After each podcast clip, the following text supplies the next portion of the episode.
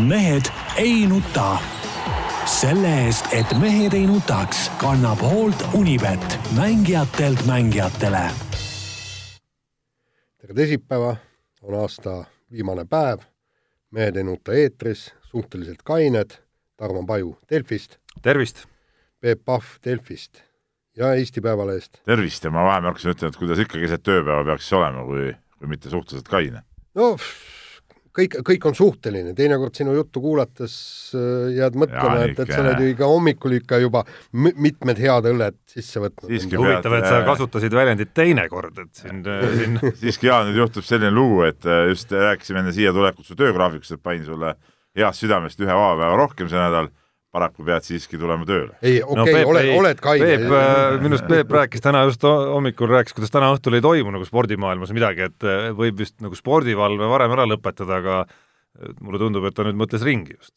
jah jah, ja, ja, ja, otsi uudiseid on ju. otsi uudiseid. olgu teed.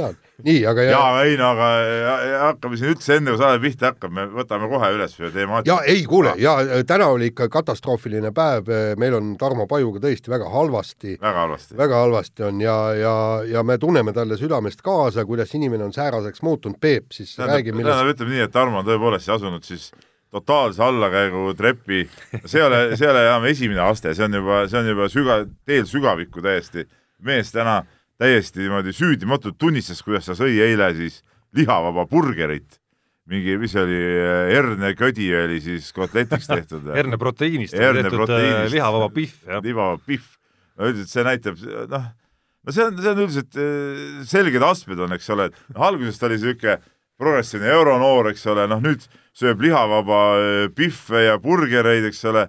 järgmiseks on see, et äh, enam lapsi ei tee, sellepärast et on vaja loodust äh, kaitsta sellega, et, et vähem, vähem oleks saastatust ja siis pärast lõpuks hakkab koos selle Gretekesega purjetama mööda maailma, et autoga sa ju ka enam ei sõida. saan ma aru, et sa, sa ju autoga enam ei sõida. sõidan küll. kuidas, kuidas sa saad, Tarmukene, autoga sõita?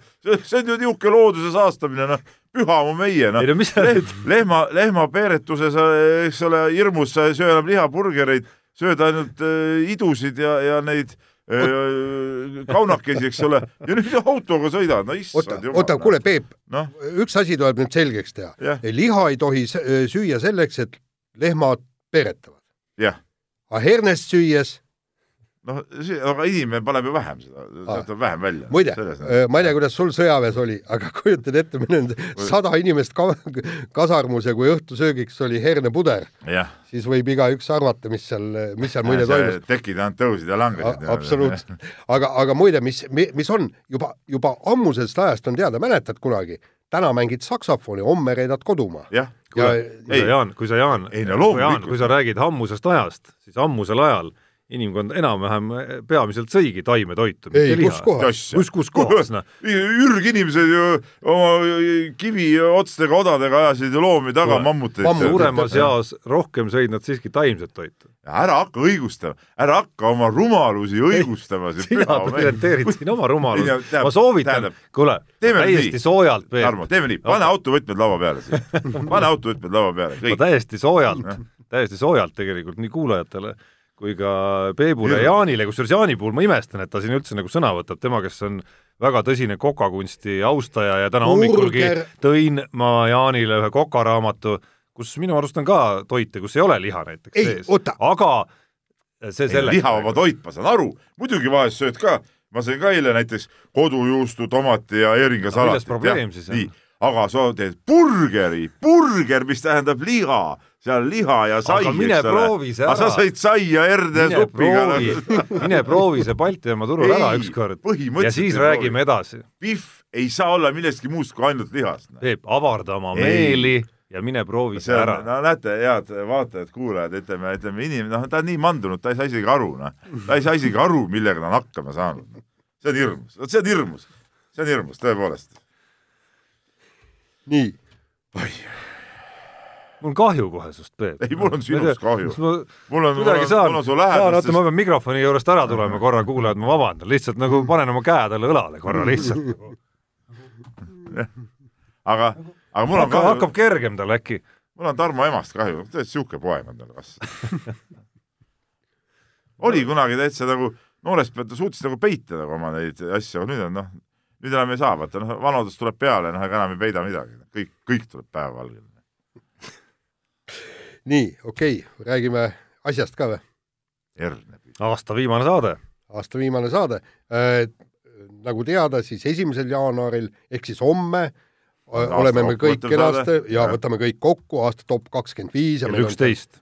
just, äh, nagu alati aga, aga täna tuleb umbes kahetunnine, niisugune nagu alati, sest meil on seal kakskümmend viis asja, eks ole, pluss veel niimoodi magusad vahepalad. just, et, et äh, kindlasti äge saade, aga, aga praegu me võtame lihtsalt, äh, lihtsalt kokku selle, selle nädala, selle nädala ja, ja ka siin oli üht, üht-teist huvitavat ja, ja hakkame pihta sellest, et Eesti Antidoping uurib Andrus Veerpalu käitumist, kes on teatavasti ajutise võistluskeelu all Äh, dopingureeglite rikkumise pärast, ometi nähti teda mitte lihtsalt võistluskeelu all, Jaan. Räägime ju spordis nagu üldse tegutsemise keelust.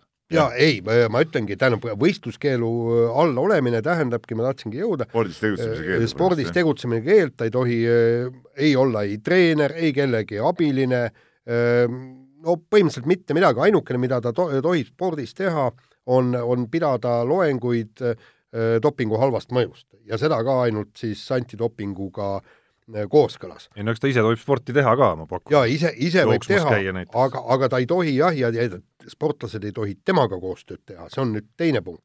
aga siin oligi niimoodi, et, et Eesti suusameistrivõistluste ajal nähti Andrus Veerpalut äh, raja kõrval äh, Äh, suuski jalas ei olnud, küll olid suusakepid käes ja võib arvata, eks, et kuna tal lapsed sõitsid, et siis kui neil oleks see suusakepp katki läinud, oleks siis äh, ulatanud äh, suusakepi, ehk siis tegutses äh, sportlaste abilisena, mida ta te teha tegelikult ei tohi.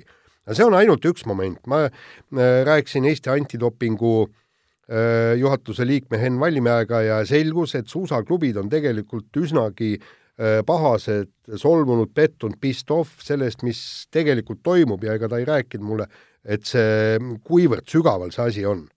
Et, et ilmselt ei olegi jutt ainult sellest ühest võistlusest, vaid seal äh, Andrus Veerpalu on siis äh, tegutsenud märksa rohkem seal spordi sees, mida ta teha ei tohi. ja, ja praegu ongi siis käsil uurimine, kui sügavalt ta seal spordis sees on ja, ja millised meetmed tuleb siis tarvitusele võtta. meenutame kaks tuhat kaksteist, olles samuti võistluskeelu all, testis ta Eesti koondise suuski ja, ja siis oligi, et, et dopingukaristus algas sellest päevast, kui ta neid suuski testis. ja kusjuures suusatajad ise ei saanudki aru, meie suusatajad ja, ja ei Mati Alaver ega keegi seal kõrval viibijatest, et see on keelatud. ja lõpuks oli siis murdmaajuht Jörg Kaapol, kes, kes tuli ja Veerpalu sisuliselt ära ajas sealt raja pealt. Mõtlevad, et ah, milleks meile dopingureeglid no seda on muidugi näha no, nagu näha, et eh, nii see, see mõtteviis kestis edasi. jah, absoluutselt ja.. no mul on minu jaoks ka nagu arusaamatu, et, et Andrus Veerpalu on täismees, ütleme varsti kaega pole viiekümnest eluaastast enam palju puudu ja nii edasi. no seitsekümmend üks sünniaasta või kaks, ei mäleta täpselt, mis ta oli. et, et eh, kuidas ei saa aru lihtsalt lihtsatest asjadest. et kui keeld, siis on keeld, no ei saa, ma saan aru jah, tahab oma lapse võistluse, keegi ei keela mine palun seisa seal Tehvandi staadioni tribüüni peal, vaata ja plaksuta, eks ole. ei pea olema nende suusakeppidega seal hakkamas ja, ja, ja nii-öelda nagu abistamas seal raja ääres või ma ei tea, mingeid vaheaegu ütlemas või mida iganes tegemas. no ei, kui on keeld, kui oled niisuguse lollusega hakkama saada, siis ei ole midagi parata, tuleb see karistus ära kanda. ja seal on ka veel teine asi, eks, et, et kui tal oli siin eh, nii-öelda suvel käis rollerivõistlustel siis tegelikult võistluste korraldajad ei soovinud teda näha, sellepärast et ta oli, kuigi tal võistluskeeldu tol hetkel ei olnud, aga see, seal oli selge seos, eks ta oli dopingu, kuna Poltoranin ja tema poeg olid veredopinguga vahele jäänud ja, ja, ja, ja, ja ka nemad helistasid nii Suusaliitu kui antidopingusse, kas me saame midagi teha, et ei lase Andrus Veerpalut starti. teha paraku midagi ei saanud ja see panigi halba olukorda ka need võistluse korraldajad kusjuures see paneb ju halba olukorda ka tegelikult äh, sellesama klubi, mida esindavad äh, Veerpalu nimelised suusatajad ehk siis tema lapsed.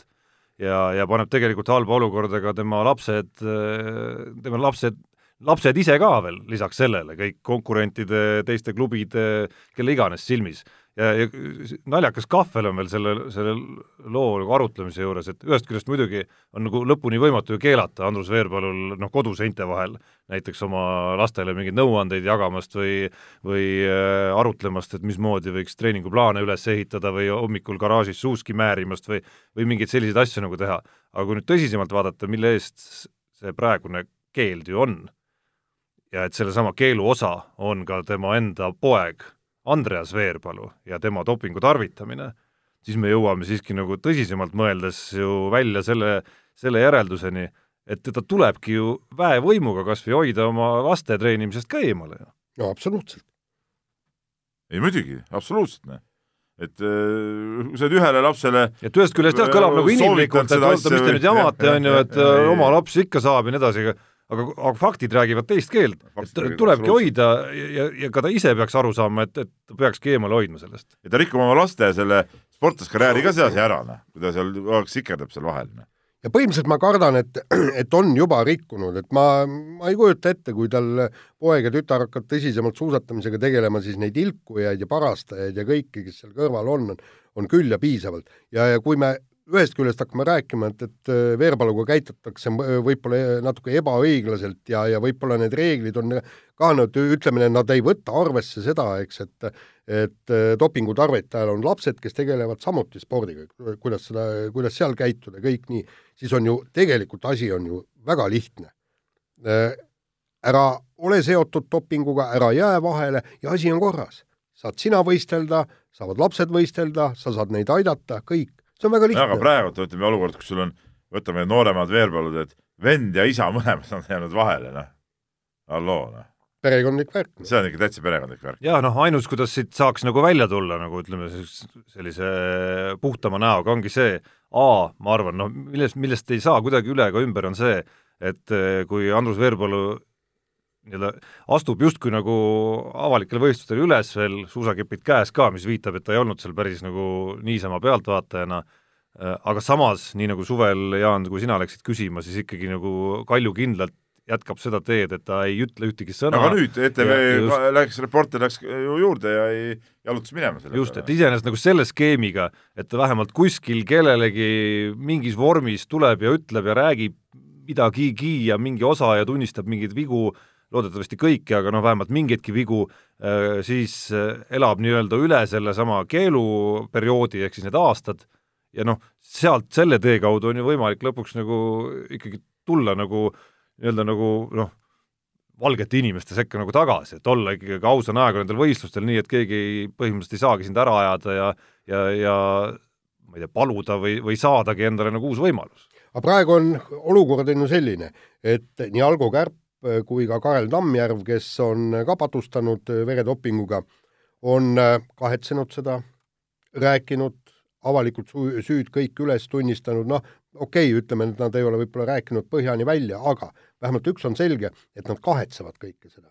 aga ei vanem Veergu, Veerpalu, ei noorem Veerpalu ega ka Mati Alaver, nad ei ole isegi, nad ei kahetse isegi seda.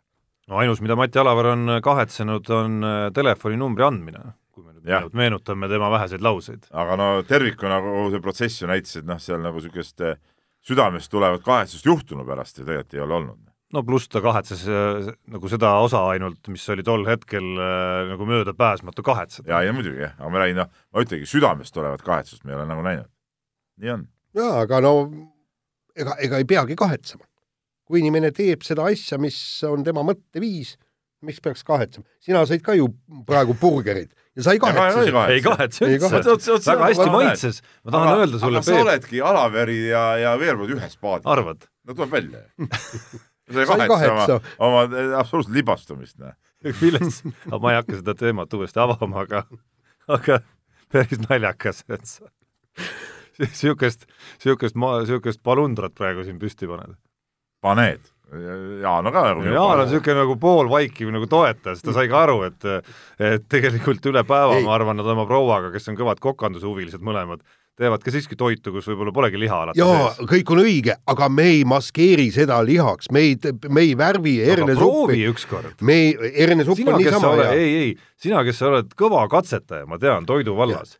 ma olen väga üllatunud, Jaan, et sa nagu lööd, lööd nagu risti ette sellele, et sa isegi võiks eh, ikkagi nagu millalgi proovida midagi Mitte sarnast. iial ma ei värvi hernesuppi pruuniks, et see oleks nagu pihv ma söön herne. ära hakka oma asju levitama. ma söön hernesuppi niisama, väga hea, muide su ja suitsuliha tuleb ja. sinna panna ja kõike ja noh. väga õige ma ei tea, ma kordan oma soovitust, ma tean, üks kuulaja meile kirjut- või mulle kirjutas ka pärast saadet, kui ma sellest rääkisin, et äh, puhkuse ajal, mis oli ka ühtlasi pulmareis, kui Itaaliast tagasi tulin, vaatasin ühte filmi Netflixist, Game Changers, okei okay,, nüüd, nüüd küll kõlas üks teine äh, sõna siin, mis Peebu käivitab muidugi alati, see on Netflix see on ka muidugi saatanast täielik. see on, ei see, no see on nagu mõttetu. aga, aga okei okay,, see selleks, aga ma soovitan, soovitan seda filmi vaadata, mitte nüüd ei tähenda see see ja ei kavatse ka mina mingit mingit elu kannapööret teha, aga, aga veidikene maailmapilti avardab küll. oota, Peep, kuule, sa oled vaadanud juba seda äh, hüvaleili?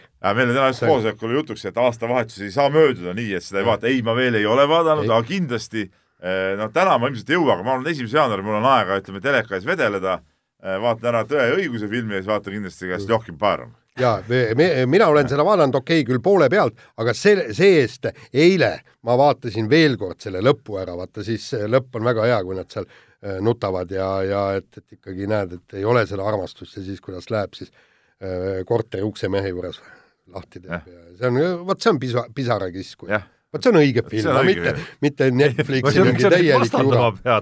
see on ka, mulle väga meeldib see film, absoluutselt. ei no jaa aga jaa, siis no, vaata jälle mingisuguse ütleme praegu Hardal ja Nääri ajal sa tood välja siin mingisugused Netflixi mingid asjad, kui meil on selged Nääri filmid nagu olemas. sa pole isegi vaadanud seda, Peep. ma ei hakkagi vaatama. sa pole isegi vaadanud Mida? seda, sedasama saatusirooniat. ei, no mis asja, ma olen seda tuhandeid kordi vaadanud. sel aastal no ma vaatan, Näärid alles tulevad täna õhtul eh?.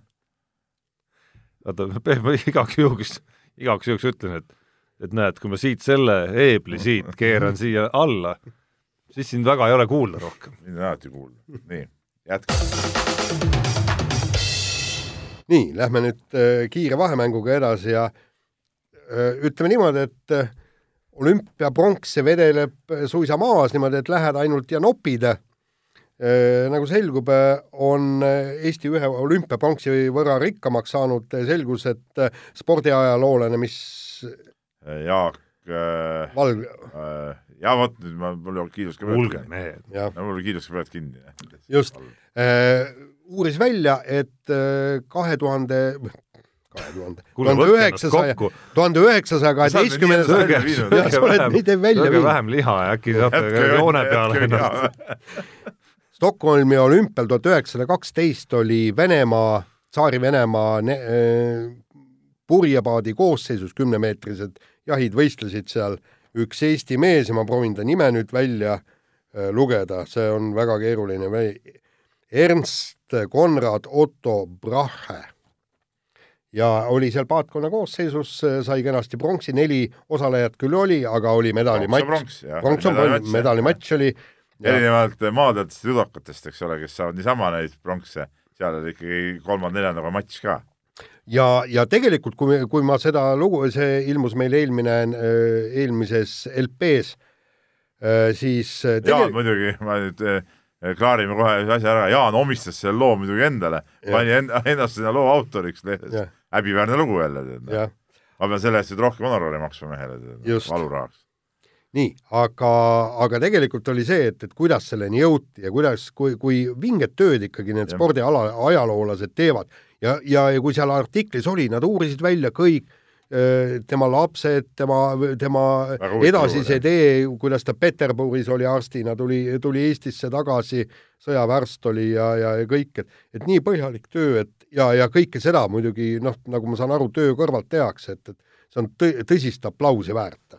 Jaak Valdrele aplaus siis läheb ka, et kui sa siin veel nagu äh, tema nime all enda panid ka, siis oleks võinud nime muidugi meelde. see oli tehniline apsakas tegelikult, kui päris ausalt. mina nagu ei pannud, aga seal, kuna autori nime ei ilmunud sinna loole. Jaan ei suutnud noh, meie süsteemides nii palju orienteeruda, et sinna seda nime panna, siis see hakkas ilma nimeta ja siis jah, aga kuna oli väga hea lugu, siis arvati, et, et kes neid häid muu ikka kirjutas, no, jah. täpselt, ja, või vastupidi, et kuule, no paneme ükskordki siis nagu Jaani nime ka, et siis ükskordki on ka hea lugu tal. jah, aga, aga veel kord aplaus jah, spordiala, ajaloolastele, kes sääraseid äh, asju välja urgitsevad kuskilt kaugelt ajaloost. aga vahetame teemat ja mõnes mõttes omamoodi läheme ka ajalooradadele.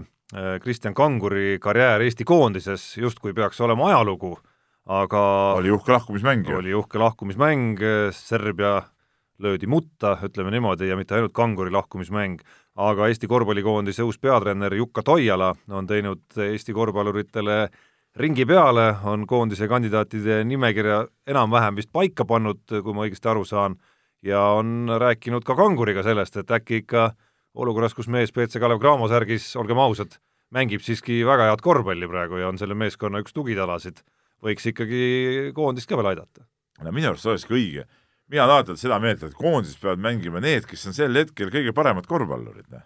et eriti, mis puudutab valikmänge, jah, kui mingid on, on nii-öelda mingid sõprusmängud kuskil, noh, mida tänapäeval eriti pole, aga noh, suvel vahest võib-olla mõni, mõni, mõned mängivad, eks ole, siis seal muidugi proovitakse kas nooremaid mehi ja mingit koosseisu ja ükshaaval tood neid noori sinna juurde ja nii edasi, aga muidu üldiselt see koondise tuumik peaks koosnema ikkagi nendest, kes on sel hetkel parimad mängijad ja kahtlemata Kristjan Kangur on nende mängijate hulgas, kes eh, oma tasemelt ja praeguse, just praeguse hetke tasemelt peaks sinna kaheteist hulka kuuluma, no siin ei ole mingit küsimust. no isegi mitte kaheteistkümne, vaid no, ma ütleks, et nagu isegi seitsme hulka, ütleme jaa, hetkel Eesti korvpallis. arvestades ka seda positsiooni, kus ta mängib, et ega meil nüüd seal väga hõisata ei ole nende meestega.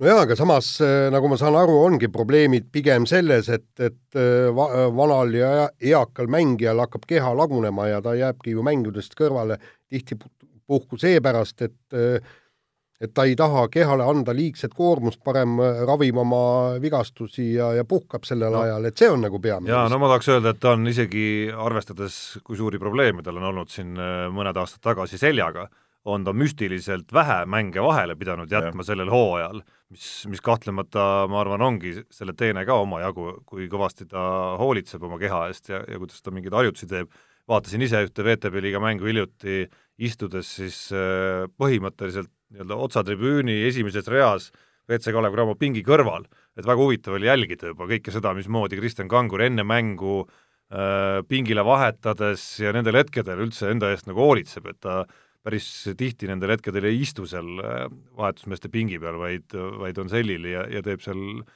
täiesti oma harjutusi. et, et ma mõistaks, ma mõistaks muidugi sada protsenti, kui Kristjan Kangur siiski viisakalt ütleb äh, kiidos ei Jukka Toialale. jaa, ei ma, ma mõistan enda, ka. lihtsalt selle nimel, et ise võib-olla nagu, ma arvan, et see, see puhkus ja kõik see režiim ja need harjutused on ülioluline, kui ta tahab veel selle hooaja sama edukalt mängida ja võib-olla järgmise või ülejärgmise veel. samas ma kindlasti ei, ei mõista hukka nagu peatreeneri soovida sinna saada, kuigi ma vaatasin näiteks seal korvpallifoorumites äh, tekitas see teatud omajagu irooniat ja, ja niisugust minu arust see täiesti ajuvaba ja ajudeta inimeste lamin, eks ole, et, et et noh, see on käsitlematu tegelikult, et loomulikult kangurit peab proovima ja kutsuma, et, et kas ta tuleb, see on nüüd mehe enda otsustada ja ja aga kutsuma peab igal juhul sellist meest. ja saab uue lahkumismänguga teha no,. Vol kaks. ja volüüm kaks, nii. aga Gerd Kamps, meie jalgpalli siis kait-, kaitseliini guru oli, eks ole, koondises teatas siis ühes intervjuus, et äh, ta ei ole nõus väitega, et Eesti ei pääse kunagi jalgpalli MM-ile. noh, äh, ma olen ka selles suhtes Kamsiga nõus, et siis, kui MM-ile pääseb sada kakskümmend viis riiki, et siis, siis Eesti võib õnnestuda tõesti sinna ka pääseda. no aga selleks peab mängima Trinidadid üle, Tobagod ja, ja ja kõik niisugused, ega see ei ole. Uuskine ja. jaa, no kuule, noh. Tonga jah, et, et see, see on keeruline, aga tegelikult aga no ütleme, siis on nagu võimalus, siis on võimalus. aga, aga kui nüüd ja vaadates neid maailma neid äh, võistluste trende, eks ole, siis see MM varsti ongi, ma kardan, umbes niisuguse kümne-viieteist, viieteist aasta pärast see MM ongi läbi hooaja kestev niisugune võistlus, et kuskil nagu mingit kindlat MM-i kohta ei ole ja kõik mängivad ja ja, ja kõik mäng-, kõik riigid mängivad kõigiga läbi. kõigiga läbi ja siis ongi finaal nagu. no isegi kui, kui suudetakse näiteks sada aastat või, või järgmised kaks aastat, kakssada aastat hoida praegust formaati. siis ei ole? Äh, isegi siis noh, oleks keeruline nagu väita sajaprotsendilise eksimatuse tundega, et Eesti mitte kunagi ei jõua, noh, sest me räägime lõpuks veel kahesajast, neljasajast tuhandest, ma ei tea, mis iganes ajast, et noh, tõenäosus on, et lõpuks ma ei tea, noh, millalgi see ikka tõenäoliselt nagu juhtub, on ju. jaa, aga, aga vaata, siin ongi see asi, et äh, jube hea on äh, neid lauseid välja pilduda ja ma olen ka sellega nõus, et e-, Eesti võib kunagi MM-il mängida, aga see ju tähendaks täielikult kogu selle jalgpallisüsteemi ja mõtteviisi muutmist. sellepärast, et äh, Island ju mängib. Island ju mäng, mängis MM-il ja, ja, ja seal ju elab kolmsada tuhat elanikku. vähem kui Tallinnas ei, et noh, ega seesama, seesama intervjuu, kus Gerd Kams äh, ei olnud nõus selle lausega, et me kunagi ei jõua, ega sealsamas intervjuus Gerd Kams, kes on äh, värskelt siis Paide äh, jalgpalliklubi juures tegev äh,, rääkis ka väga suurtest murekohtadest, mida ta sealsamas Paide klubi juureski näeb ja puudutab see eelkõige siis noorte suhtumist sporti ja, ja no,, ja võimekust ja, ja tahtmist treenida. Ei no selles suhtes, ega ma ka Gerd Kamsi, ütleme, selles suhtes ma ei taha naeruvääristada tema, tema neid sõnu, aga aga see natukene läheb, noh, jalgpallur ei saagi muidugi seda ütelda, et me kunagi ei saa sinna, ole see endine jalgpallur või praegune jalgpallur, aga noh, natuke see läheb ikkagi sellesse valdkonda, kus need ja, ütleme, jalgpalliinimesed natuke elavad mingis omas, omas mingis ulmes tegelikult, ütleme, see puudutab nii jalgpalliajakirjanikke kui jalgpalliliidu inimesi, kui üldse, kes jalgpalli juures tegevad on, et noh, tihtipeale nagu see reaalsustaju on neil äh, pärsitud või, või, või üldse olematu. nii on. nii, ja võtame siis järgmise teema Ott Tänak ja Martin Järveoja äh, näitasid öö, äh, oma suurt ja sooja südant ja annetasid EOK-lt preemiaks saadud üheksateist tuhat eurot heategevuseks. ja, ja ütleme niimoodi, et, et taaskord aplausi väärt tegu, äh, aga samas tuleb ka muidugi aru saada, eks neil on see võimalus. Nemad on ikkagi sportlased, kes teenivad oma tööga väga korralikku. jaa, no Ott Tänak aga, aga mis, mis see kõik on tore, aga muidugi ma natuke tahaks ikkagi äh, nahutada siin EOK-d ka, et mis kuradi preemia on üheksateist tuhat eurot maailmameistritele? no jaa. see, see, see on ju, see on ju kommiraha ju. no jaa, aga Peep, sa saad, vot siin, siin hakkabki ju mängima jällegi see spordipoliitika, eks, mis muide soomlastel soomlastel on ju öö, paika pandud, neil on nii, et nad vaatavad sportlaste sissetulekuid ja maksavad toetusi vastavalt sellele. see ei ole toetus, see on preemia. ei, ei, ma, ei, ma saan aru, aga, aga neil on, neil ei ole seda preemiasüsteemid, neil on, neil on need toetused ja kõik, kõik nii, ega Tommy Mäkinenile vaevalt seal maailmameistritiitli puhul preemiat anti. me kujutame ette, kui palju tegelikult see Ott Tänak preemiat saab ja, ja vaata, siin ongi näiteks isegi Kaisa Mägeräinen ei saa ju Soomest, äh, saab vist minimaalset toetust, kuna tema sissetulek on sedavõrd suur. ja ma leian, et, et siis, kui on raha vähe. ei tea, Soomest kogu aeg, ei. võtma õppust. kui meil on preemiate süsteem, äh, ütleme, kergejõustiku maailmameister saab ju rohkem äh, preemiat kui ralli maailmameister. jaa, aga sellepärast, et üks on olümpiaala. üks jaa, on olümpiaala. aga no see ongi nagu tegelikult nagu mõnes mõttes nagu totter. noh, teistpidi teistpidi oleks totter Ott Tänakut, kui sa, kui sa mõtled tema palga peale, siis, siis kuidagi selles hierarhias hakata nagu teistpidi nagu upitama jälle tagasi, et noh, tal tegelikult ei olegi aga näiteks ma ei, nagu ma ei, ma ei arva, et Martin Järveoja palk on nii suur, et, et see toetus äh, tal mööda külgi maha jookseks. kusjuures see oli ka minu esimene mõte selle annetuse juures, et kindlasti oli see Martin Järveoja jaoks äh, proportsionaalselt nagu suurem, veel, veel ju suurem, suurem summa kui Ott Tänaku jaoks. ta tegi teises Eesti veel ju, ta pani oma selle särgi. võistlussärgi ja selle hind kerkis ju seitse pool tuhat eurot. jah, seitse pool tuhat eurot, et selles suhtes äh, no vinge, ei no väga, väga vinge tegu, see on, siin ei ole mingit kahtlustki, et et see oli, see oli meeste poolt äh, hästi tehtud ja, ja aga lihtsalt ma räägin asja tuumast. sa ütlesid, Jaan, veel kusjuures, et noh, et äh, okei okay,, neil on see võimalus, on ju, aga noh, isegi kui sa võtad proportsioonid arvesse, Ott Tänaku eeldatava palga kuskile arvesse, noh siis see võib-olla nagu nii-öelda keskmise meiesuguse inimese jaoks tähendaks ikkagi mingist, ma arvan, vähemalt saja eurost äh, annetust, et äh, kui paljud meist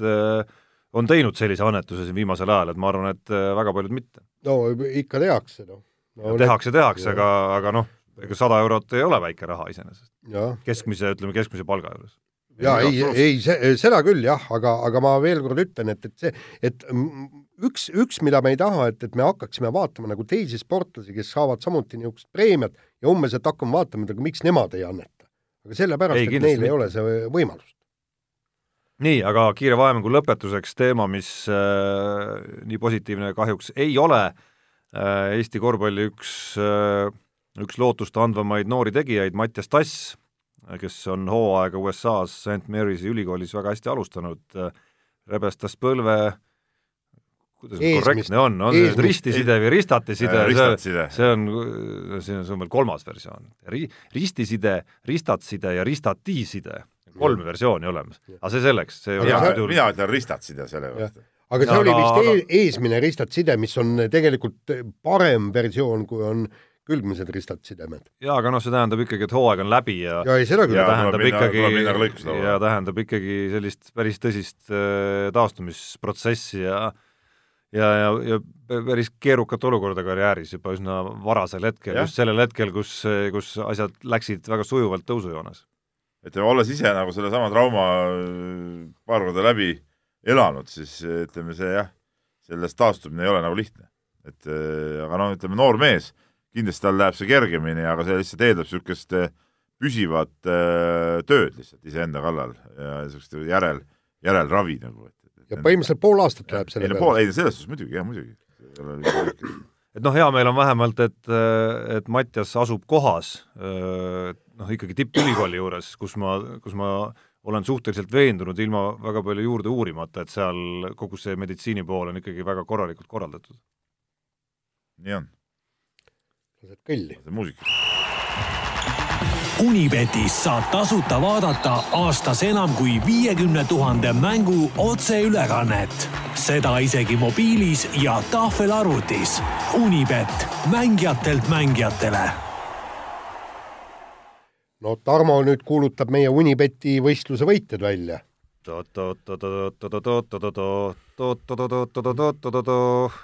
no mis sa, mis sul siin hüpata on? Aga ikka pronksist pihta, ega. auväärne kolmas koht meie selle aasta Unibeti ennustusmängus läks Jaan Martinsonile, kes, ma tuletan siis meelde, et meile kõigile aasta jooksul kanti arvele kakssada eurot mänguraha, Jaanile jäi sellest alles vist kuus. kuus umbes, jah. no jaa, aga ikkagi vähemalt kolmas koht jah.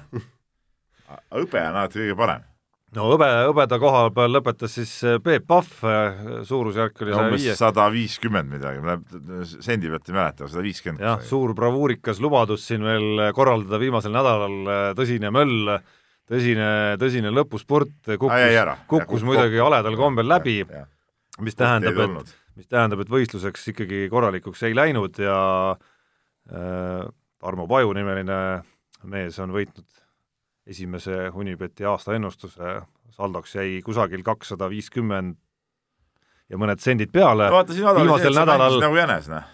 ma ei oska öelda, kas ma mängisin nagu jänes, ma miskipärast arvan, et ma olen Jaani see lõpuspurt, kus ta hakkas siin hullama, võib-olla välja arvata, aga üldjoontes olen ikkagi mängu pannud raha kõige rohkem selle aasta jooksul panustamise näol, nii et küsimus on, kuhu te panite ja kuhu mina panin aga nüüd on sul siis äh, vähemalt viiesaja euro jaa, nüüd äh, selle, selle mängu reeglite juurde käis siis äh, võitjale valik valida viissada eurot, mille siis meie hea toetaja Unibet paneb välja heategevaks otstarbeks, järgmiseks saateks mõtlen siis välja, kuhu see läheb, ja järgmisel saatel, kuna Unibet jätkab meiega ka uuel aastal, siis alustame juba uut võistlust. no ei no siis ma võidan. ei no see, ei oota, sina ei võida.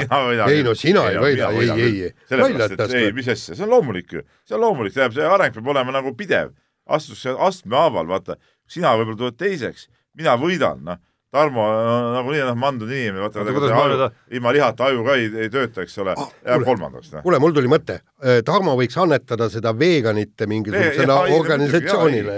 ei no nende, see kõik see kes ei sünnita siin loodus, looduskaitse pärast ja nende fondi kuskile. arvad jah ja.? no mõtlen selle peale tõsiselt, käin nädala jooksul kõik ja. variandid läbi ja, ja täpsustan veel üle, kakssada viiskümmend kuus koma kolmkümmend üheksa eurot oli lõpusaldo no,. Äh, fakt on jah see, et, et ma tunnen praegu, et, et hakkab tulema. nüüd see, ahah, et sinu aasta on tulemas nüüd? minu aasta. ja, ja viiskümmend saab mul on, mul on mitmeid, mul on mitmeid ümmargusi tähtpäevi äh, algaval aastal ja, ja see, ma tähistan neid kõiki siis selle võiduga.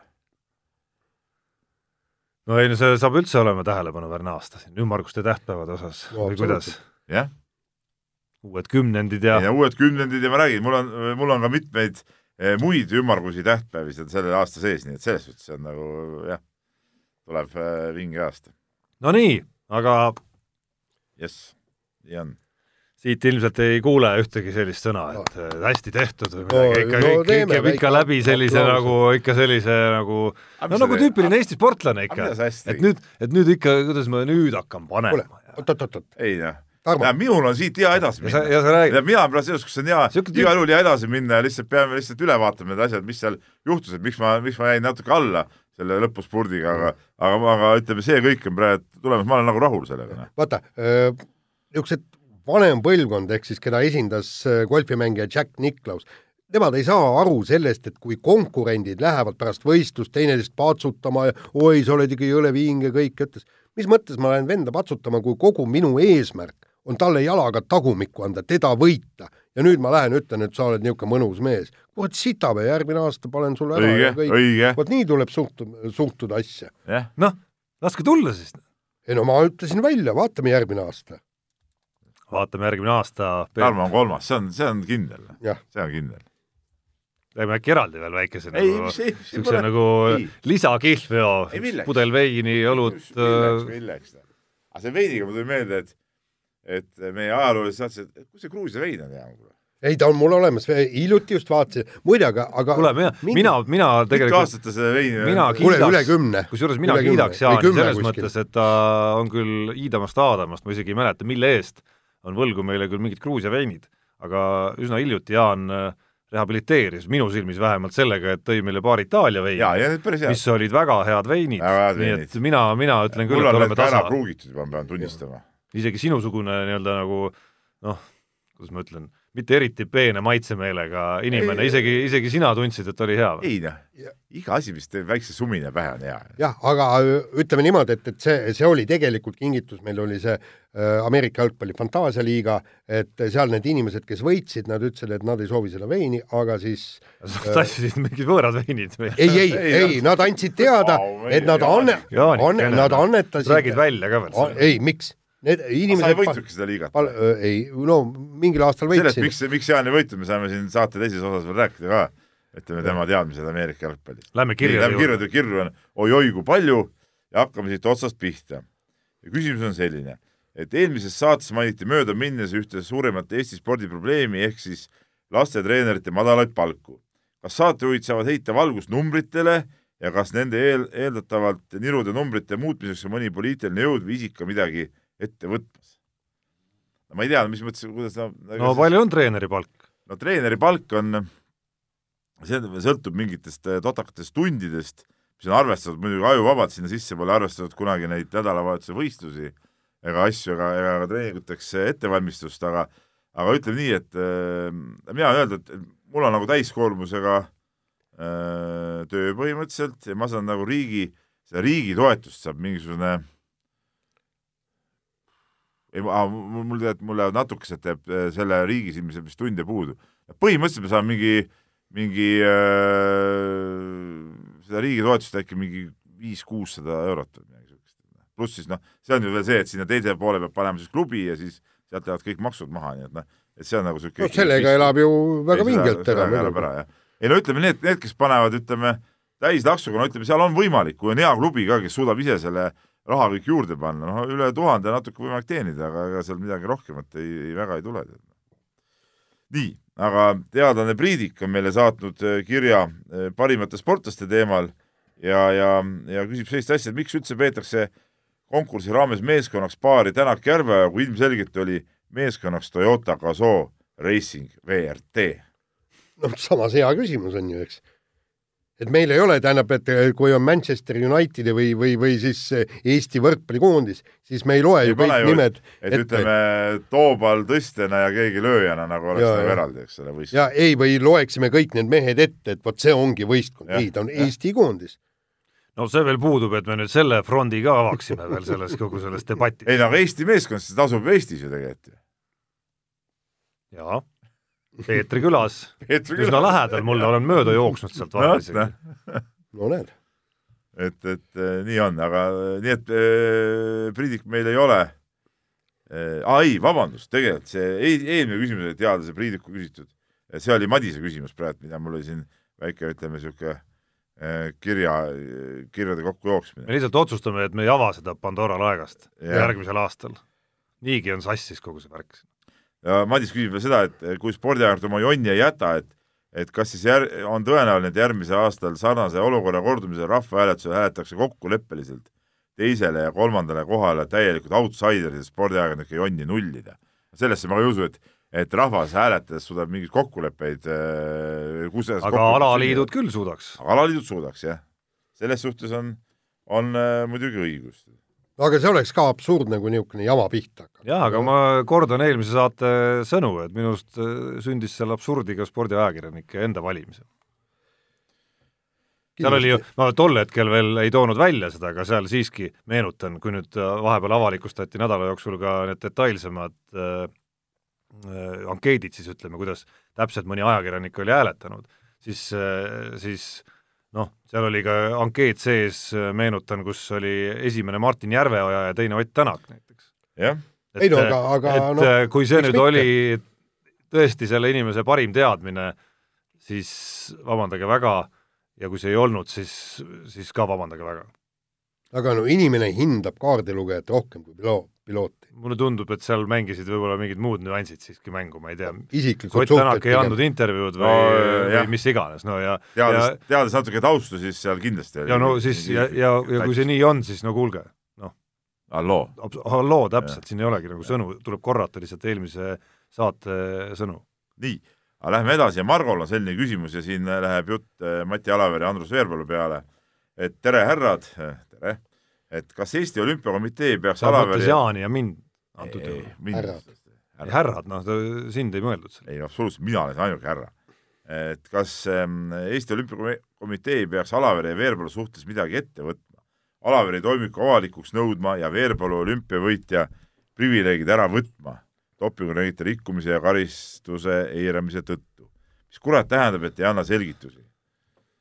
Margo siis küsib sellist asja no.. no põhimõtteliselt sai see ju vägi. ei, ei tegelikult EOK peaks äh, jõulisemalt äh, selle teemaga tegelema veel tegelikult, see on õige.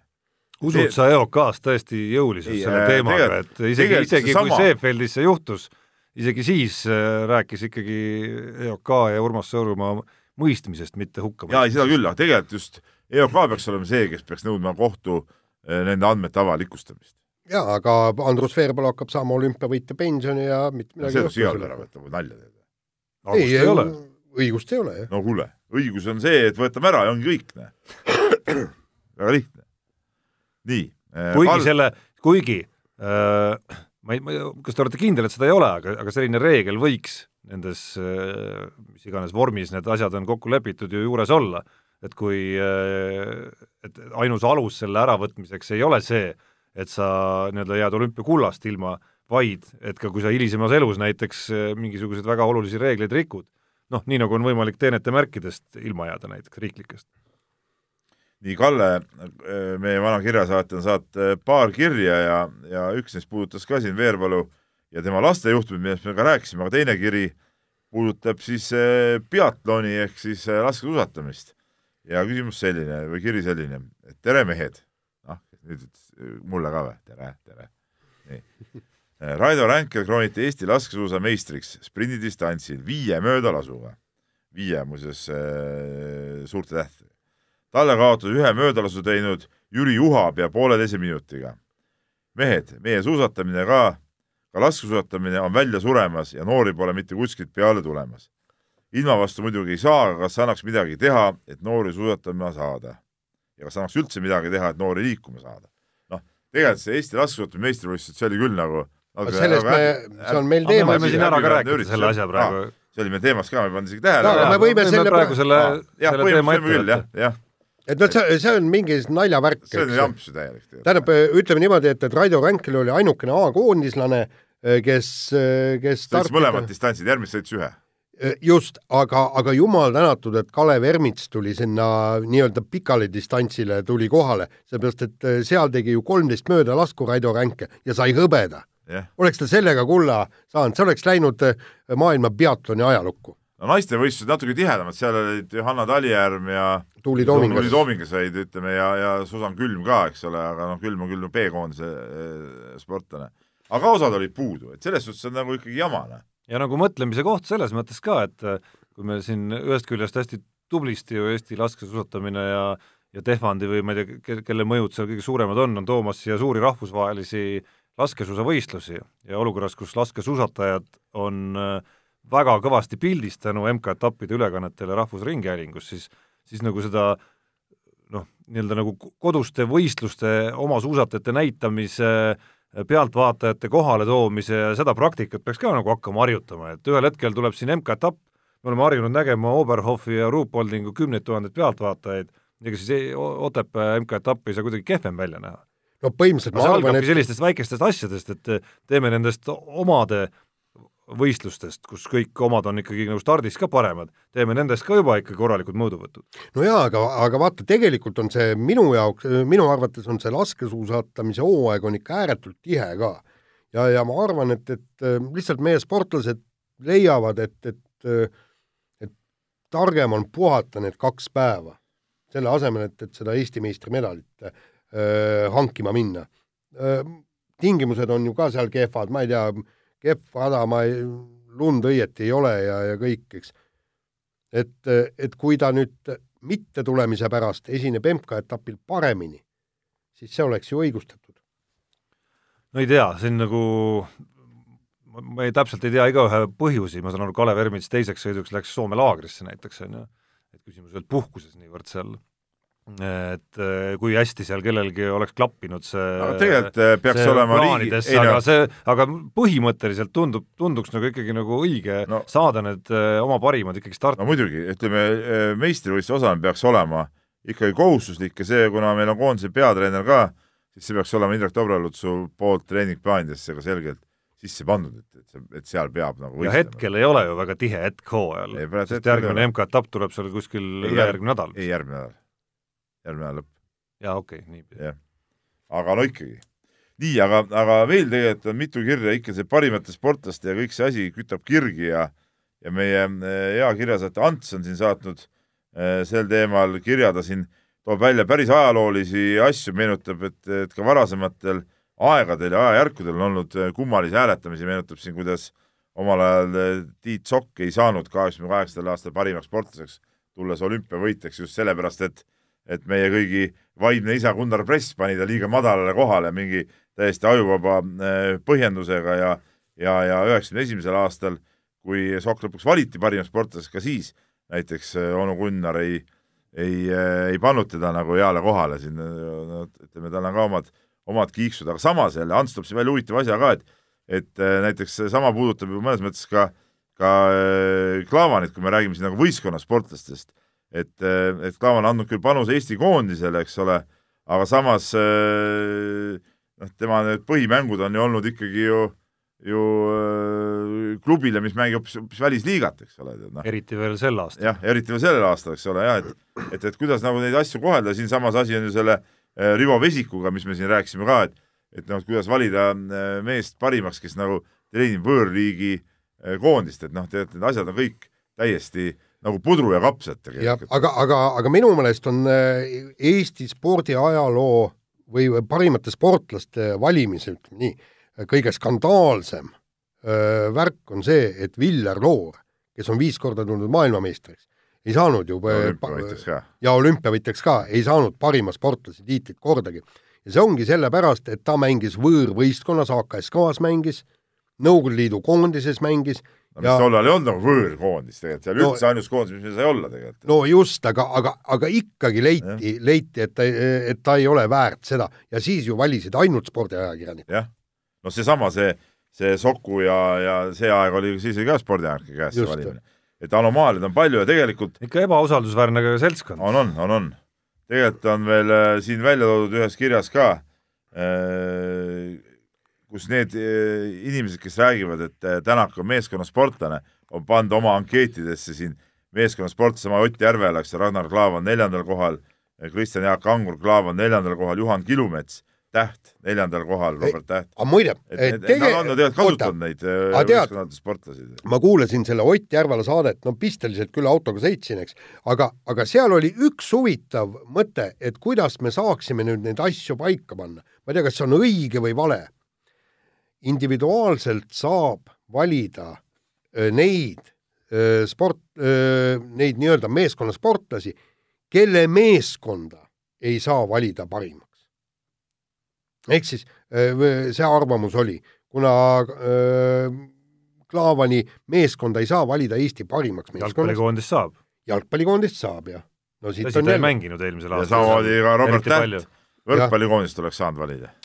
et läheb veel segasemaks. Läheb segasemaks, ei, see, see, see ei lähe, see, see ei lähe, see ei jookse ka, jah. nii, aga võtame ja siis saab Tänaku kohta ka öelda, et lõpuks on Toyota Gazoo Racing WRT.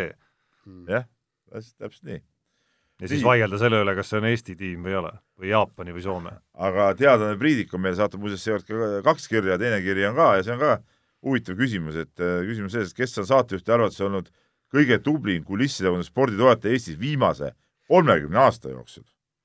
kas keegi mittesportlane või treener, kellest avalikkus võib-olla nii tihti ei kuule, kuid kes on oma tegevuse ja või rahadega teinud vaata et kõige rohkem Eesti spordi jaoks Eh, võib muidugi välja tuua ka mõne isiku, kes on seda teinud kahe tuhande üheksateistkümnenda aasta lõikes.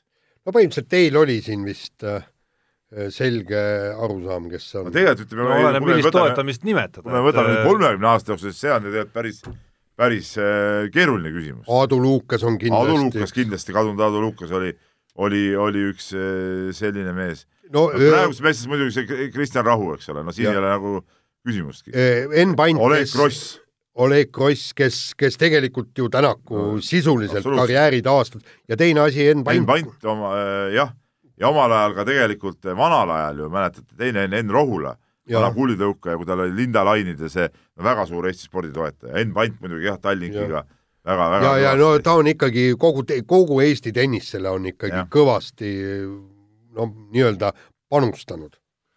No ütleme, kui vaadata nagu mitterahalist osa, noh siis kas või siis leiab nagu eriti veel üksikute projektide juures, noh Raul Rebane näiteks, kes Gerd Kanteri karjääris oli hästi suur nagu nii-öelda noh, mõttejõuga osaleja ja, ja selline nagu tiimi kokkupanija näiteks. ja, ja üks ja, ja nagu ja mõnes mõttes noh, selle pealt on, ma arvan, võimalik õppida päris paljudel. ja seda küll, aga kui me räägime, lähme veel rahade juurde tagasi või ütleme, niisuguste materiaalsete väärtuste juurde, siis loomulikult kogu see eh, punt äh, Anti Kalle, Aare Altraja äh,, Gerd Kiili, ütleme see Sportland, Nike, ütleme see, see punt on ju siin, ütleme Eesti sporti ikkagi ikkagi väga kõvasti toetanud. kuule, tänu kellele üldse Kalev Cramo eksisteerib? ja Cramo loomulikult, jah, ja, ja Ivar Valdma. Ivar Valdma. ehitustööriista aegadest, aegadest alates. et noh, niisuguseid, ütleme, vingeid mehi, kes, kes seda asja on tassinud, on, on, on, on ikkagi, on ikkagi olnud õnneks. Viktor meil... Levada. Viktor Levada, jah, täpselt, jah et äh, ja ka, ja ka Oliver Kruda loomulikult. jaa, jaa, absoluutselt. osad neist on muidugi lõpetanud äriliselt äh, nagu ütleme, nagu pahasti, aga no mitte spordi aga, pärast. aga mitte spordi pärast, jah, jah. mitte spordi toetamise pärast. nii, aga nüüd ütleme viimase kirjana kuule, jube, jubedalt on viimase kirjana ma ulatan selle paberi Jaanile no me ei saa jätta, ütleme, vana aastaga tuleb ikkagi selle aasta kirjad saada ikkagi nagu plats tuleb puhtaks saada sealt postkastist. et, äh, et siin ma tõmban need jooned ümber, Eno Astok, ka üks meie hea kirjasaatja on saatnud väga hea kirja, väga hea kirja ja äh, põhimõtteliselt siis ta kirjutab nii, et põhimõtteliselt oleks vaja, et Jaan ütleks saates kõva ja tõsise häälega välja järgmised laused. nii, Jaan, palun, siin on see paber ja me kõik kuulame. ja põhjus, et kui ma need laused välja ütlen, läheb järgmisel aastal kõik hästi ja loomulikult ma ära ma... irvita, Jaan, tõsise häälega. ei, mul on tõsiselt. nii äh,, esimene, Margus Hundi NFL-i karjäär on läbi kahjuks nii on. Henry Drell eh,, Henry Drelli kindlasti NBA draftis ei valita. Ma arvan, järgmine aasta tõesti ei valita. ei Mat..., sa ei pea oma kommentaare lisama, loe need ette ja kogu lugu, siis sa rikud ära kõik jälle. Mattias Tassi põlvevigastus eh, saab ta karjäärile saatuslikuks. jah. Ott Tänak ära ütle midagi. Ott Tänaku Hyundai'sse minek oli suur viga Kelly Sildaru taseme kohal on suur kahtluse vari. Need Itaaliast toodud võrkpallitreenerid on mingid naljamehed. Magnus Kirt kunagi oma endist taset ei saavuta. ja viimane, oleme rahul, kui saame Toyo-, Toyotast Tokyost ühe kohaga top, top kuue hulgas. Ütleme nii, nüüd niimoodi. ei, sa ei pea ütlema rohkem midagi, sellega on ja, antud ja, Eno Astoki ja Mehed ei nuta saate abil panus sellesse, et Eesti spordil lähiaastatel siiski tuleks mingeid õnnestumisi. jaa, aga kusjuures ma jätan selle kirja muidugi alles. ja, ja, ja, ja järgmise aastal viimases saates vaatame selle kirja, kirja korra üle, jah, see on küll õige mõte. nii, nii, aga nüüd äh, teeme ühe kas meeleolumuusikat ei lase või? aasta viimase lõpuspordi. ei lase väike kõll ka ikka. nii, ja räägime just äh, sellest samast äh, võrkpallist. naljameestest. naljameestest, jah. võrkpallimeeskonna uueks peatreeneriks palgati prantslane Cedric Enard, no kindlasti Lauri Leisi praegu pahandab minu hääldust aga naiskonna juhendajaks sai itaallane äh, Lorenzo, Lorenzo. Michelli. vaata ei oska midagi öelda. pahandas huvitav? nüüd keegi aga... käib parajasti makaronid suus. Alberto Tomba. aga, jaa, täpselt. jah, aga, aga ausalt öeldes ega ei oska öeldagi mitte midagi selle kohta, nagu ma kordan no. oma lauset, eks tulevik näitab. aga no nii palju saab ikkagi öelda, et kui sa vaatad nende treenerite resümeesid ikkagi, siis, siis need tunduvad ma ei saa, ma ei saa öelda ulmeliselt kõvad, no naistekoondise kohta isegi ulmeliselt kõva, mõeldes sellele tasemele ja, ja ja mängijate valikule ja sellele, et Eesti koondises on ikkagi koduliigas mängijaid ka omajagu, et ja et esimest korda jõuti alles finaalturniirile ja ollakse seal ikkagi selline tagumise otsa naiskond, siis ma esimese hooga oskan küll ainult Võrkpalliliidu ees nagu mütsi maha võtta ikkagi, et päris, päris suurt mängu mängivad kuule, Tarmo. kuskilt võrkpalli Euroopa Föderatsioonist või maailmast või kust sealt on saadud veel tuge ka, et, et seda palgaraha maksta ja, ja, ja, ja paberil näeb see kõik väga hea välja. väga hea, aga tihtipeale on nii, et need supertreenerid äh, ei suuda äh, tegelikult äh, ütleme niisuguse, kuidas ma ütlen, nagu lihtsurelike mängijatega äh, neid tulemusi teha. muide, ma tahtsingi siin öelda, Anatoli Hovantsev, laskesuusatreener, kui me vaatame tema nii-öelda varasemat ja ka hilisemat karjääri, praegu ta on ju äh, Venemaa laskesuusakoondise peatreener. Yeah.. kas ja... mitte Hovantsevi ajal ei olnud siiski see, kus Eesti teatemeeskond oli ühe lausu kaugusel medalist maailmameistrivõistlustel, nii et et sellel ajastul iseenesest noh, tehti päris häid tulemusi, eriti kui tänasesse päeva paned. jaa, aga, aga, aga ta, ta ikkagi lõpuks lahkus siit oma suuri jälgi jätmata, sest probleem oligi see, et, et tema nõudmised idee ja kõik see oli, oli hoopis teisel tasemel. no et äh, alaliidul polnud võimekust tema plaanide järgi asju korraldada, ütleme no ja absoluutselt, jah. ja, ja, ja siin ka võib olla, kui sa, kui sa mängid suurt mängu ja sa tuled tõesti ja sul on siin sisuliselt Eesti liigas mängivad amatöörid käe all. ja kui sa hakkad neilt nõudma täpselt sedasama, mida sa nõuad nagu nii-öelda maailma tippudelt, no okei okay,, põhituumik ikka tuleb ka meil väljast, aga aga ütleme, tegelikult nad ei ole oma olemuselt, nad ei ole ju ka kõik maailma tipud, nad on ikkagi noh, tublid rahvusvahelisel tasemel sportlased, aga, aga ei, ei midagi enamat, aga ei. aga mis mulle meeldib, on see, et nendes valikutes ja noh, meeste puhul see, see konstruktsioon nüüd praegu ei kehti, et Eesti meestekoondis on ikkagi no, oma tasemelt ja, ja finaalturniirile jõudmist, jõudmised ja kõik need on ikkagi ja mängijate individuaalsed nii-öelda käekäigud ka, on ikkagi nagu tummisem et siis nendes valikutes ambitsiooni on ikkagi päris kõvasti. ambitsiooni no mingeid samme nagu edasi aga teha see... ja tuua mingeid uusi mõtteid edasi. see nagu ei ole, ei no tuua uusi mõtteid. minu arust nüüd, kui meestekoondises oli, mitu aastat see Gretu oli, viis-kuus aastat või? päris pikalt, eks ole.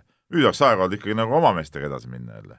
mis see ambitsioon ongi ainult see, sa tood mingisuguse prantslase või itaallase, see on nagu ambitsioon või? kui oleks praegu pannud Urmas Tali, eh, no näiteks ma toon, eks ole, suvalise näite et siis see poleks ambitsiooni näidanud või? Äh, no ma panen lihtsalt kõrvuti, kui ma panen kõrvuti Cedric Enardi ja Urmas Tali saavutused treenerina, siis Enardil on oluliselt kõvem teenistusleht ette näidata ikkagi. seda küll, aga kas, kas see näitab, näitab just seda, et, et kui Urmas Tali näiteks oleks saanud või ükspuha, kes Aavo Keel näiteks tagasi panna, et siis äh, see oleks näinud väiksemat ambitsiooni, ei, minu arust see on nagu, see on nagu jama jutt, see on täitsa jama jutt. teine asi, mis mulle selle asja juures ei meeldi, on see, mis on võrkpallis nüüd nagu, nagu teist korda juba et mingid mängijad nagu ise valivad endale treeneri või ma ei tea, nende heakskiit on mingi oluline asi, mis, mis jama see on.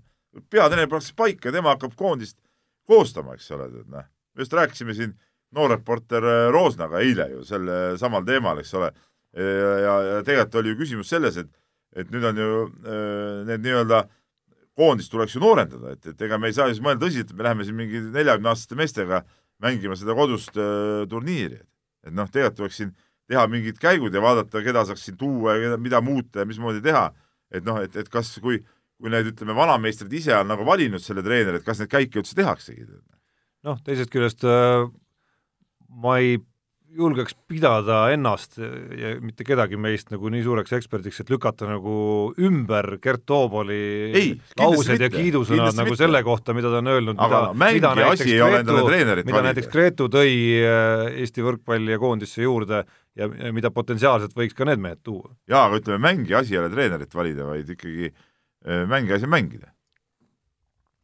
räägime natukene karikafinaalist ka, ega siin äh, palju lisada äh, või, või palju nii-öelda kommentaaride juurde ei ole, kui et äh, vägev mäng, Tartu Bigbank null kaks kaotusseisust tuli välja, suursoosik Saaremaa sai alistatud, Andrei Ojamets sai tiitli yeah. ja noh, kuidagi ei saa ka märkimata jätta, et äh, alatasa, kui satud jälle mingisuguse ajavahemiku järel kodust võrkpalli vaatama, mõnda tähtsamat mängu, siis kohtad sa jälle mingisuguseid äh, noori mängumehi, Alex Saaremaa ja Hurt ja mingid mehed eh., kes lihtsalt mitte lihtsalt ei ole seal äh, kuskil, ei istu seal kuskil, on ju, vaid on tegijad. Ja antud juhul olid veel nii tegijad, et põhimõtteliselt äh, tänu nendele alistati äh, meeskond, mis oli päris arvestataval hulgal legionäre veel ja päris nimekaid legionäre veel ja. toonud oma meeskonda, et et selles mõttes uhke vaatepilt ja, ja, ja, ja äge ja omamoodi müstiline. no tegelikult ikkagi Andrei Ojametsas ikkagi on mingisugune eriline eh, oskus kuidagi neid eh,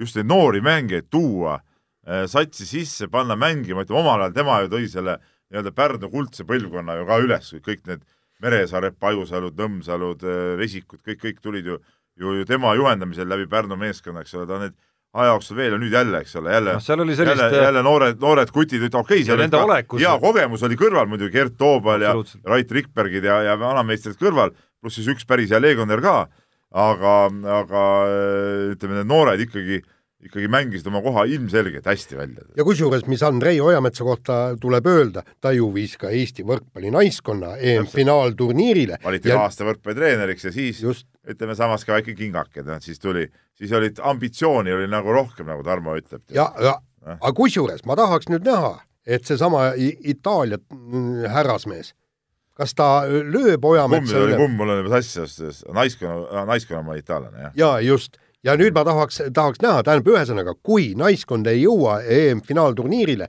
oli välistreeneri toomine viga, sest Andrei Ojamets viis naiskonna finaalturniirile. väga lihtne. väga lihtne muidugi. ja, jah, aga ma tahtsin öelda veel äh, lihtsalt nii palju veel nende Tartu noor, nooremate vendade kohta, et et mingi väike déjà vu tekkis seal nagu Teppani ja Täheajaga, et nendes ja. oli ka sellist olekut, sellist nagu niisugust spordimehe viha ja niisugust äksi veel nendes, nendes äh, võimast emotsiooni. just et see, et see oli nagu äge. nii, aga äh, Jaanikene nüüd äh, tõepoolest, noh, mäletame kõik, kuidas Jaan läbi suve rääkis, kui hakkas see Ameerika jalgpallihooaeg, kuidas Margus Hunt oma klubi, noh vaata, et kõige parem mängija, superstaar, kõik hakkab tulema, tulema, ma ei tea, hooaeg kuidagi möödus, ma ei pannud isegi tähele, et kas Hunt mängis kuskil või tegi mõne säki või teinud või, või sai midagi kuskilt näpud taha mõne statistilise mingi poolsäki või veerand säkigi ja nüüd äh, Jaan äh, kirjutab siis loo, et vist hundi karjäär üldse läbi. mis, toimub siis, Jaan? põhimõtteliselt äh, ei olnud sa ikka ei jaga seda asja. mis juhtus? ei olnud põhjust kirjutada, sellepärast tõesti ei saanud ei säkki, ei poolsäkki ega veerand säkki. mitte et, midagi kirja ei saanud nende mängude jooksul? ei no põhimõtteliselt, no ütleme niimoodi, et, et ausalt öeldes äh, ei saa mina aru, ei saa asjatundjad aru, ei saa fännid aru, et, et hunt oli tõesti invisible, põhimõtteliselt nähtamatu seal väljakul kui eelmine aasta ta oli tõesti kogu liiga üks parimaid vendasid, kes võttis vastaste ründajaid äh, maha tagapoolt palli mängu paneku joont, mis on väga kõva näitaja, kolmteist korda. seekord null. eelmine aasta viis säkki, see aasta null. et, äh, et see on täiesti untsu läinud aasta ja mitte keegi kurat ei saa aru, mispärast see on untsu läinud. mis hunt ise ütleb? hunt ise noh, kontakti temaga ei saa, aga ETV-le, ETV-le andis intervjuu ja seal, seal oli siis nii-öelda kolmveerand hooaega oli mängitud, ta ütles, võib-olla läheb hiljem asi paraja, paremaks, ta lihtsalt ütles, et alguses ei saanud nagu vedama seda ja, ja ja, ja ta se ei selgitanud, ei põhjendanud, aga aga mis, me võime siin äh, rääkida, ilkuda ja mis iganes, aga praegu on tõesti suur kahtlus, et, et tal võibki karjäär vähemalt selles meeskonnas, ehk siis Indianapolis Coltsis läbi olla. leping oli veel järgmiseks aastaks ka? ta on, aga see on klausliga, et, et ühesõnaga ta saab selle raha, neli koma viis miljonit dollarit ainult sellel juhul, kui ta mängib ja, ja põhimõtteliselt seal on niimoodi, et et arvestatakse iga mängu hind ja summa ja kui ta selle, selle mängu mängib, siis selle mängu raha saab, eks. Ja, ja see oli siis tal nagu nii-öelda leping, aga, aga kui ta ei mängi, ehk siis kui ta ei mahu meeskonda, siis ta ei saa midagi. ehk siis siin ei päde ka see loogika, mida noh, oma meelisalal korvpallis on ajaloos omajagu olnud, et mehed, kes nagu lepingu kätte saanud, siis äkitselt toimub mingisugune kustumine, et et äh, Margus Hundil see, sellise lepingu puhul noh, motivatsioon nagu ses osas ei saa kuskil langeda ka. ei, absoluutselt. et, et temal oligi, tal oli see garanteeritud summa oli ainult esimese aasta kohta ja teise, teisel aastal ei midagi. et, et see, siin on nüüd muidugi võimalus, et, et äh, kuna ta treeneritele ikkagi meeldib ja võistkonna nii-öelda mänedžerile meeldib, et võib-olla jäetakse, proovitakse, vähemalt võib-olla ta saab selle suvised, suvised treeninglaagrid läbi teha, võib-olla ta saab ka hooaja eel äh, proovida need nii-öelda hooaja eelsed mängud ja kõik, eks et, et kuida-, kuidagi need läbi teha ja, siis tal oskused on ju olemas, nagu eelmine aeg no, näitas, et, et nagu mingi, mingi kala on nagu sees ikkagi. no mingi kala, kas võib-olla, võib-olla see mängupositsioon või psühholoogiliselt või, või võib-olla on, tähendab, üks võimalus on ka ju see, eks, et et, et tal on vaja hästi palju mängida. ta, noh, nagu ta ise räägib, et ta tahab mängu algusest lõpuni platsil olla, aga, aga see aasta nagu vähe sai, aga ta pandi muidugi ka pingile, aga ta pandi pingile sellepärast, et ei mänginud eriti hästi. Et, et see, noh ütleme niimoodi, et, et on ka ju ilmselt korvpalluritel, jalgpalluritel on ka, vahest tuleb niisugune kehvad hooajad sisse. no kuidagi vabandasid ennast välja praegu, üritasid end vabandada. ei no ütleme endal ka nagu paha tunne niisugust artiklit kirjutada, aga no midagi pole teha, eks. aga sellega me tõmbame oma saatele joone alla aastal kaks tuhat üheksateist. aastale joone alla. ehk ja. siis aastale joone alla, tuletame siis meelde, et homme kell üksteist on eetris traditsiooniline Mehed ei nuta uusaastasaade, lõppenud spordiaasta top kakskümmend viis koos väikeste vahepaladega, äh, kuuleb ilmselt ka kardetavasti, ma pean ütlema, kuuleb ka laulu natukene. ikka, kus, mis pidu see ilma lauluta ole. jah, ja meie proovime täna õhtul ennast sündsalt üleval pidada, et homme täies ei vormis proovi. olla. ei proovi või? oi, vaesekene. aga miks ma peaks? tähendab, on kaks eh, tähtsat pidu on aastas. on aastavahetuse pidu ja jaanipäev, ütleme Need on ikka tõesti siuksed taruirara peod. no järgmine aasta tuleb suur kas ei, no, Keila ei, spordihall no,, ma, ma nagu- küsin, kas Keila spordihall on ikkagi kinni pandud juba viiekümnendaks juubeliks? ei noh, las see praegu olla, see temaatika las ta olla. jaa, kuule, aga no sa ei saa, kuule Andres Sõber Kastani areenal pidas siis tal oli kuuskümmend. no mis see viiskümmend no, on, suurem isegi. kuuskümmend see aasta ju. kuuskümmend on ikka, kuuskümmend. no vot. pensionile ju. no absoluutselt, ei veel mitte ka ju. vanasti sai, ei vanasti sai ju naised äh, viiskümmend viis ja mehed kuuskümmend. kuuskümmend oli jah. aga mis see on siis? jah, see, seda nüüd küll see on ikka paha mõelda. rikkusime Jaani tuli peale, ei, ei, ei, pane edasi. ei pane edasi, ei tegelikult ei tule, sa ei saa tegelikult. tänapäeval lükati edasi ka. ja, ja üldse valesti vist oleme arvutanud ka. ma tuletan veel meelde, et, et meie saadet nii täna kui uuel aastal ja teisi Delfi taskusaateid saate kuulata sajal platvormil, alates Spotify'st ja iTunes'ist ja ja meie saadet lisaks veel Facebookist otse ja Delfist otse ja nii edasi. aga enne, enne, kui me saate nüüd lõpetame, selle aasta kokku võtame, siis mul on rõõmusõnum ka kõikidele meie kuulajatele, spordisõpradele, eriti mis puudutab see Jaani. ma loodan väga, et Jaan käib maal ära, leiab üles need oma need punased uisud, sest et reedel, reedel me osaleme ühel jäähokiüritusel, me oleme kolmekesi jääl ühe võistkonnana ja, ja, ja no mina igatsen küll Jaani punaseid uiske. jah, kui te tahate näha, ütleme, niisugust uisutamisklassikat, siis siis tulge, tulge Harju tänavale kindlasti ikkagi vaatama. mis iganes kell see üritus on, ma arvan, see jooksvalt, jooksvalt äh, mingit infot veel selle kohta tuleb, ma nägin sellest ka Delfis mingi uudis. ma otsin selle kellaaja isegi üles kindlasti et, et, ka. aga, aga ütleme, seal on jah, me mängime seal päris kuulsate kolmikute vastu, seal kolm võis-, kolm meest on võistkonnas ja meil on siis oma võistkond ja, ja küll me seal teeme uut kell üks. kell üks ma loodan, et ma suudan, on seal board'id ka või ah?? no see, kui ei ole, siis kiiresti teeme siis nii, et oleks. ma tean, meile vastu tulevad seal näiteks äh, Allar Levandid ja, ja Valmo Kriisad ja mingid mehed. no Allar poiss, sul see lendamine suustega selge, ai kui sutsti äh, lumehange üle boordi, küll ma oskan hästi kukutada, tead näe, ai hästi tuled kuule, mul tuli mul, praegu, ma võin, ja ma võin lihtsalt mul öelda. juba, mul juba varbad sügelevad. mul on hea siin keksida kõrval, ma võin lihtsalt öelda, ega ega Peebul need kindad kukuvad ka käest, nokikindad kukuvad, tal on küll jämedad käed, aga kindad on päris suured, et need ja. kukuvad, nad on nagu harjutanud ka seda, et need kukuvad nagu päris hästi sealt käest ära. ja igal juhul, kui me omal ajal mängisime, ega siis ei olnud ühtegi mängu, kui Peep oleks karistuspingil istunud. no ikka, no aga ongi, ongi emotsioon, see on action, tead noh. Ah,. muide, mul tuli praegu meelde, kui te tahate näha, milline Peep välja näeb pärast uusaasta õhtut, vana aasta ärasaatmist, siis otsige üles, Youtube'ist peaks olema meie aastalõpusaade, kus me mängisime jalgpalli ja, ja tegime muid ja istusime mullivannis ja see oli ka üks tore saade. see oli kõva saade ja nii. otsige see üles. aga nüüd tõepoolest, head vana aasta lõppu ja jah, paneme, paneme nüüd saluudi põmm-põmm. uute kohtumisteni mehed ei nuta. saate tõi sinuni Unibet, mängijatelt mängijatele